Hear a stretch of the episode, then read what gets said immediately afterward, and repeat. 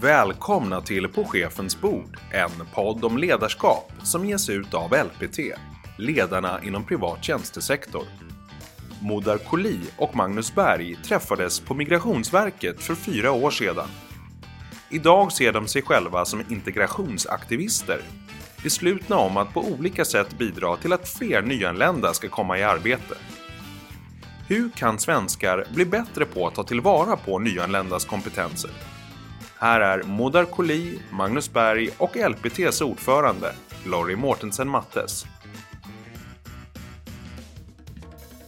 Hej och välkomna till På chefens bord, en podd av ledarna inom privat tjänstesektor. Och jag som pratar heter Lorry Mortensen Mattes och är eh, ordförande i LPT. Men jag sitter ju inte själv här i studion utan jag har besök av eh, Magnus Berg och eh, Moda Koli. Vilka är ni? Eh, Moda och jag har jobbat ihop i snart nästan fyra år. Vi eh, betraktar oss själva som integrationsaktivister. Eh, för min del började det när jag bytte spår via, och, och jobbade inom idrotten och ensamkommande. Sen hade jag ett år på Migrationsverket under 2015 eh, i det teamet som helt fokuserade på asylsökandes jobberfarenheter och koppla ihop med företag. Eh, och då, där träffade jag ju dig, Moddar, bland alla de som jag träffade. Sen efter det så har vi jobbat tillsammans eh, i olika kapaciteter. Du då? Så jag kommer från Damaskus, Syrien, men jag har uh, bott i Sverige för fyra år nu. Och jag, kommer, uh, jag, jag har uh, bott i, mellan Qatar och Dubai för nio år innan jag har kommit till Sverige. Och jag har jobbat med bland annat i Mercedes-Benz, jag, var, jag var marknadschef där. Och sen jag hade mitt eget företag och sen jag har kommit till Sverige. jag har jobbat i, eller hade en praktik med Oxfam Host. Och jag fått den praktik från Eh, migrationsverket när jag träffat Magnus. Ja. Uh, och sen, ha, sen jobbat vi tillsammans i Ledarna för två år. Just. Och sen det var Mumtaz integration som Lori kallar för mums. Mumtaz och mumsig. Ja, men vad betyder Mumtaz då? Mumtaz? Det, betyder excellent eller skitbra. skitbra, ja. Men i ett engagemang då, integrationsaktivister. Vad är det som gör att ni brinner så mycket för de här frågorna? Um, ja, det kan man ju fråga sig. Uh, så här ser jag det. Um, Sverige är eh, ett av de sämsta länderna i hela västvärlden och har varit det i de senaste 30 åren eh, vad det gäller att få utrikesfödd kompetens i relevanta jobb. Det finns mängder med studier och statistik kring det. Trots att vi har skruvat på eh, olika mm, vad heter det, reformer och rabatterade jobb och så vidare, så är vi bland de sämsta. Och en av insikterna som jag verkligen brinner för eh, är att vi, vi riktar ljuset enbart mot, eh, höll jag på att säga, Moddar och Farah och alla de som har kommit och vad, vad, vad de måste lära sig. Men vi glömmer oss själva helt och hållet. Och vi glömmer oss själva som chefer, eh, även i privat eh, tjänstesektor. Eh, det vill säga all den brist på kunskap och erfarenhet och även verktyg eh, som, som, eh, som vi saknar. Eh, och det brinner jag för det. Men för egen del så är ju det här eh, inte eh, någon slags hjärtevärmare utan jag har de sista sex åren sedan jag bytte eh, spår, jag har ju lärt mig oändligt mycket.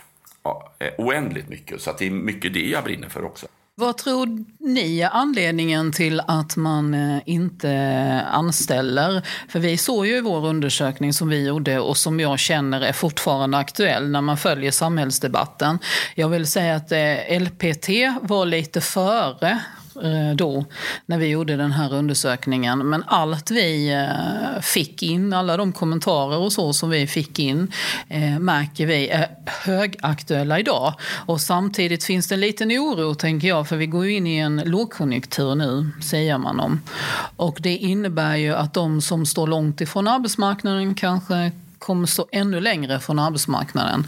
Men det finns ju många här som faktiskt har en kompetens eh, som vi inte tar vara på.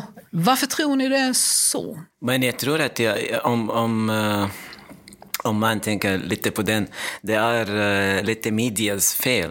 Så om jag är svensk och jag sitter i, i Sverige, jag sitter i Stockholm, jag sitter uh, typ en uh, HR-chef, säger för, för argument's sake, om jag är en HR-chef i Sverige nu.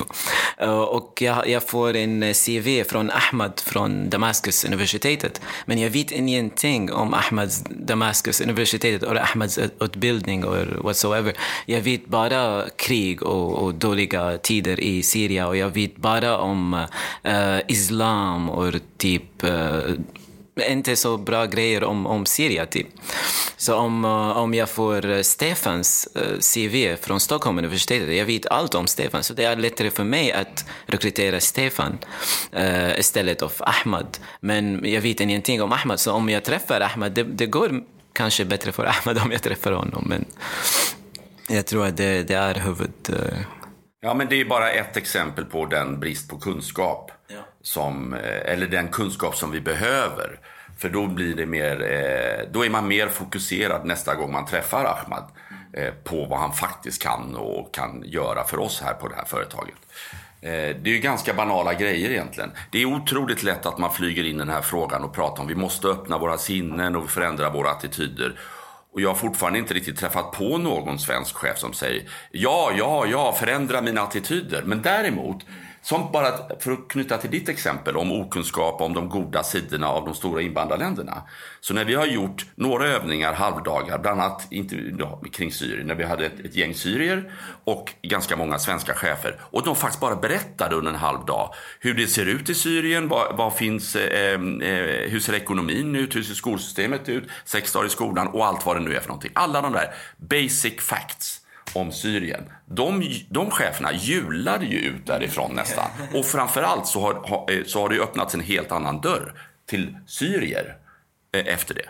det men det är liksom så här konkret eh, exempel tycker jag. Och det, den andra problem var att eh, om, om jag säger att jag kommer från Syrien, den direkt eh, reaktion jag, jag får från svenska människor var åh, oh, mm. vad synd, hur kan jag hjälpa dig?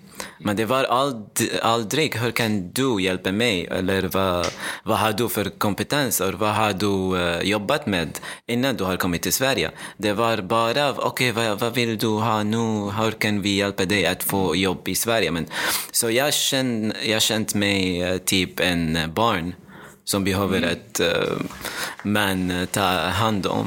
Just det, man behandlar inte människor som kommer hit som vuxna. Utan man lägger ihop en klump och man tror inte att man har en erfarenhet eller en kunskap. Och uh, faktiskt har ju många gått i skolan. Utan istället fokuserar man på att ja, vissa, ja, många har inte gått i skolan. Ja, det stämmer också beroende på var du kommer ifrån. Och då är det klart, då behöver man ju en åtgärd där eller hjälp, hjälpa dem. Men när man kommer då som du gjorde då till Sverige med eh, oerhört stor kompetens och erfarenhet och utbildning. Och sen så blir man behandlad som en yeah. barn. Får jag bara anknyta till det också? För att i, i det där då, eh, nu har vi ju eh, jobbat med och, undervisat, eller säga, eh, långt över tusen svenska chefer. Och när vi tittar på oss själva och vad det är som gör att vi höll att säga, etablerade svenskar är som vi är. Så ett av de viktiga liksom, karaktärsdragen, eller det som vi är präglade av, är att vi är enormt trygga i det här landet. Alltså går det lite åt skogen för mig så finns det ett skyddsnät där. Det gör att vi har en de ja, det finns de som är emot därför att de är rädda. Men de flesta av oss är ju väldigt empatiska och inkännande människor. Baserad på vår liksom trygghetsgen så är vi väldigt omhändertagande. Och får jag ta ett exempel som jag tycker är väldigt, väldigt talande. När jag var på Migrationsverket så jobbade jag i det där teamet.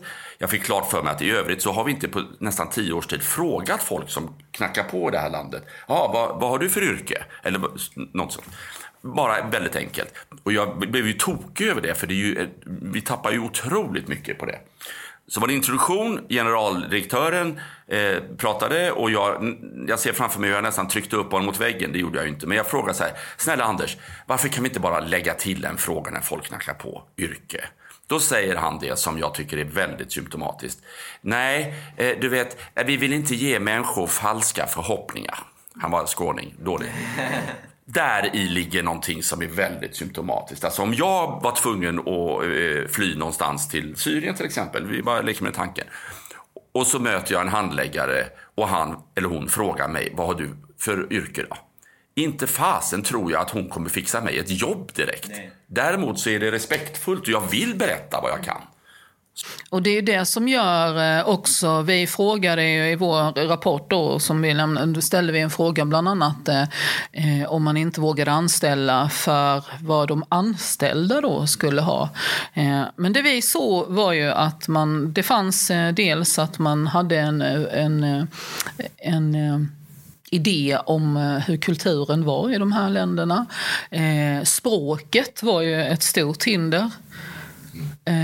Där man, nej men vi kan inte anställa någon som kan prata, inte kan prata svenska.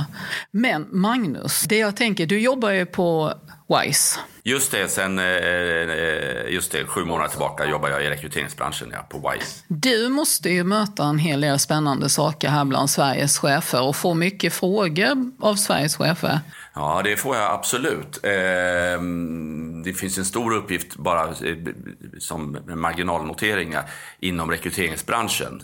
De ingår också i det stora svenska kollektivet där vi behöver lära oss en massa saker och öppna kanaler och så vidare. Eh, det jag kan säga eh, också generellt kring, kring svenska chefer och som jag möter nu också är det att, för det kopplar lite grann till det här omhändertagande ambitionen vi har. Jag hävdar att det finns inte ett enda företag där ute, inte en enda chef som inte kan hitta affärskritiska anledningar till att titta in i den här gruppen. Och det, jag menar, bara skrapa på ytan. Om det nu är så att lite drygt 20 procent av människor i Sverige som är i Sverige idag är födda i ett annat land. Då pratar jag inte om att man har en, en eller två föräldrar som är födda i ett annat land. Drygt hälften av dem är födda i de stora invandrarländerna, om ni förstår vad jag menar, utomeuropeiska.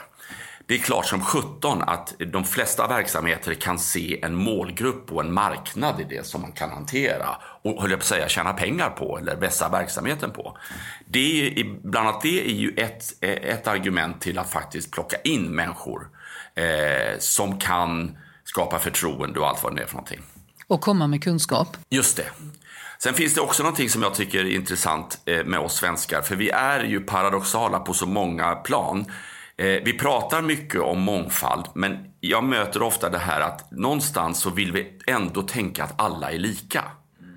Och där finns en paradox.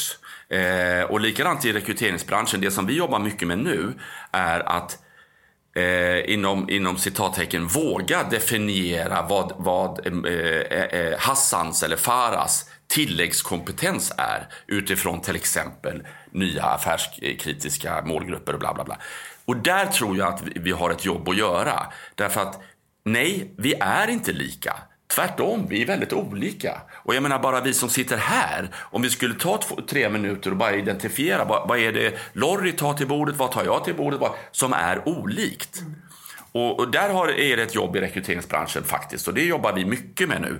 Att, att definiera eh, i olika sammanhang och utmana våra kunder. Kan det vara en tilläggskompetens att ha en internationell erfarenhet från stora invandrarländer och eller en interkulturell förståelse och sådana saker.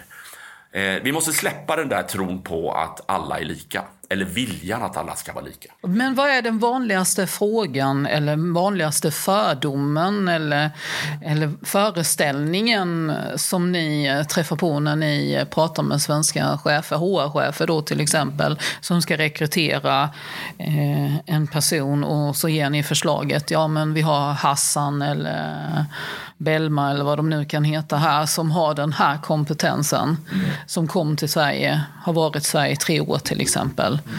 Och är jätteduktig på det här och det här. Vad är, vad är den vanligaste kommentaren ni får? Interkulturella skillnader. Ja, just det. Det kan man ju säga. Eh... Nej, men om vi nu lägger bort det här, om vi lyckas rensa bort det där om vi tycker synd om omhändertagande och så vidare. Så är det, det som, bland annat det som du är inne på nu för tiden. Ja, men hur hittar jag då? Ja. Eh, det, och det är ju rent praktisk kunskap. De stora medieplattformarna för utrikesfödda och, och, informella kanaler och hur man bygger tillit och så vidare. När vi backar till kanske för tre år sedan, det dyker ju fortfarande upp. Så när man lyckas skapa trygga forum med, med chefer så dyker det här med religionen. Ja, precis. Och så kopplar man alla från Mellanöstern och Östafrika eh, eh till islam som om alla är muslimer. Det vet vi att de inte är och alla som är muslimer är inte praktiserande muslimer. Men de som är praktiserande muslimer är inte bara praktiserande muslimer. Ni vet. Och jag får ta ett exempel som jag tycker är mitt favoritexempel. När vi var i Mellansverige. Det kan ha varit att, eh, en medlem i, i eh, LPT, vad vet jag. Eh, en stor distributionscentral de, där byter man om för det är paket och man blir lite skitig och sånt där. Va? Hans svenska medarbetare kommer ut eh, på skiftet med andan i halsen och säger Fan, vet du, jag har lite svårt att hinna ut på skiftet därför att Ahmed, han gör alltid sin morgonbön framför mitt skåp. Man kan hänga lite där och tänka så här. Okej, okay, så att den här medarbetaren vågar inte fråga Ahmed om man kan göra sin morgonbön två meter bort. Vi tror att det är någonting totalt heligt och, och allt vad det Det är ganska praktiskt. Hade Ahmed gjort sin morgonstretch, om man nu gör det i Mellansverige, så hade han bara sagt, hörru Ahmed, flytta på dig, jag måste in och, du vet. Så att det, det har varit krångligt med religionen, eh, men jag hoppas och tror att det har blivit mer av en praktisk fråga som rökpauser eller vad som helst. Och där ligger ju också i det här att man inte vågar eh, fråga Exakt. eller vågar eh, säga till. Exakt. Det ser ju vi som chefer i, i andra delar också när medarbetare kan komma. Eh, och, och, vi som chefer kanske frågar, ja men har du pratat med Lisa eller Stina eller mm. Kalle mm. om det? Nej det har jag inte. Nej, man gör, jag har ju själv många ovanor säkerligen som folk retar sig på men jag vet ju inte det för det är ingen som har eh, Eh, berättat det för mig. Och man har ju också olika föreställningar eh, om, eh, om vad, vad man tror på, på personer. Jag är ju då blåögd, jag är ljushårig. Eh, säkert bilden för hur en svensk person ser ut. Och eh, jag berättade lite kort för er i en, en väldigt rolig situation som jag var med i. Eller jag tyckte ju den var rolig med tanke på min egen bakgrund. När jag eh, träffar ett gäng personer personer och eh, de berättar för mig att Lorry, det är faktiskt inte så roligt när man möter alla de här rasisterna som eh, inte är så snälla mot oss och de skriker saker och det, det, du förstår inte hur jobbigt det är att vara utsatt eh, när, när man liksom ska försvara sig och man ska göra det här och det här. Och, mm och de här personerna kom från Finland, har bott också som mig då, uppvuxna på samma sätt med föräldrar som är från, från inte från Sverige då.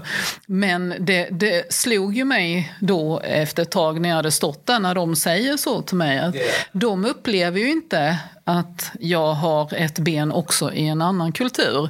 Utan de såg ju mig som svensk blåögd. Såklart jag inte förstod det här.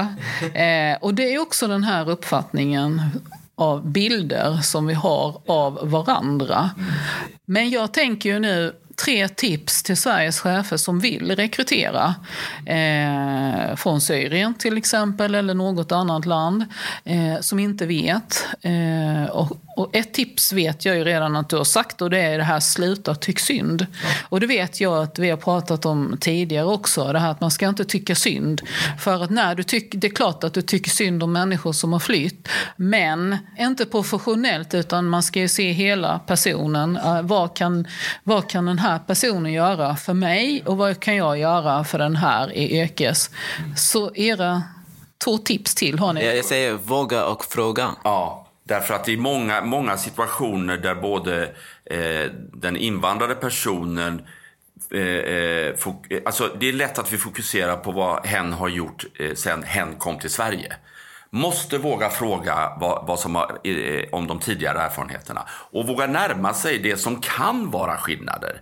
Till exempel kring ledarskap, det här eh, handlar ju ändå om chefer. Det kan vara så att, att Hassan har haft väldigt auktoritära chefer och lite lynniga arbetssituationer och så vidare. Ta reda på det och vad det kan innebära. För då har man mycket lättare att, att prata om sitt eget ledarskap. Till exempel. Det finns mängder med sådana grejer. Som, så våga fråga, ta av silkesvantarna. Precis. Det här är sjukt intressant. Ja. det är det. Ja. ja. Och, uh... eh, jag tänker också koppla till det som jag, vi var inne på tidigare. Mm. Titta efter på er egen verksamhet och försök identifiera affärskritiska anledningar till att vi faktiskt vill ha in olikhet i bolaget eller i verksamheten. För de finns där. Eh, och alla ni som eh, jobbar inom HR-avdelningar, om ni på riktigt är, är intresserade av att titta in i de nästan 20 procent utrikesfödda i, i, i Sverige. Anställ någon som kommer ifrån den gruppen. Därför att då får man ganska snabbt den där, både tillgång till kanaler men också eventuellt språkmöjligheter men också möjligheten att skapa förtroende. Jag eh, hoppas att det kommer hända mycket efter den här podden, att fler eh, vågar, chefer vågar. Och också, det handlar ju också om att chefen vågar erkänna att jag har inte denna kunskapen. Eh, och det, det är helt okej, okay, för det är först när du vågar erkänna det för dig själv. Eh, också vilka fördomar du eventuellt har som du eh, kan ta nästa steg. Och det pratar, vi pratar också om hållbara chefer chefer i LPT. Eh, hållbara chefer innebär ju också att du har rätt kompetens på din personal. Där man kan jobba och eh, driva företagen framåt. Eh, där man har bra team och där man jobbar. Och det sitter inte i språket. Alltid.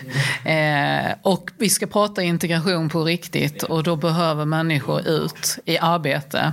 Eh, och jag tror att Nej, vi ska inte ge upp. Vi ska Nej. inte ge upp.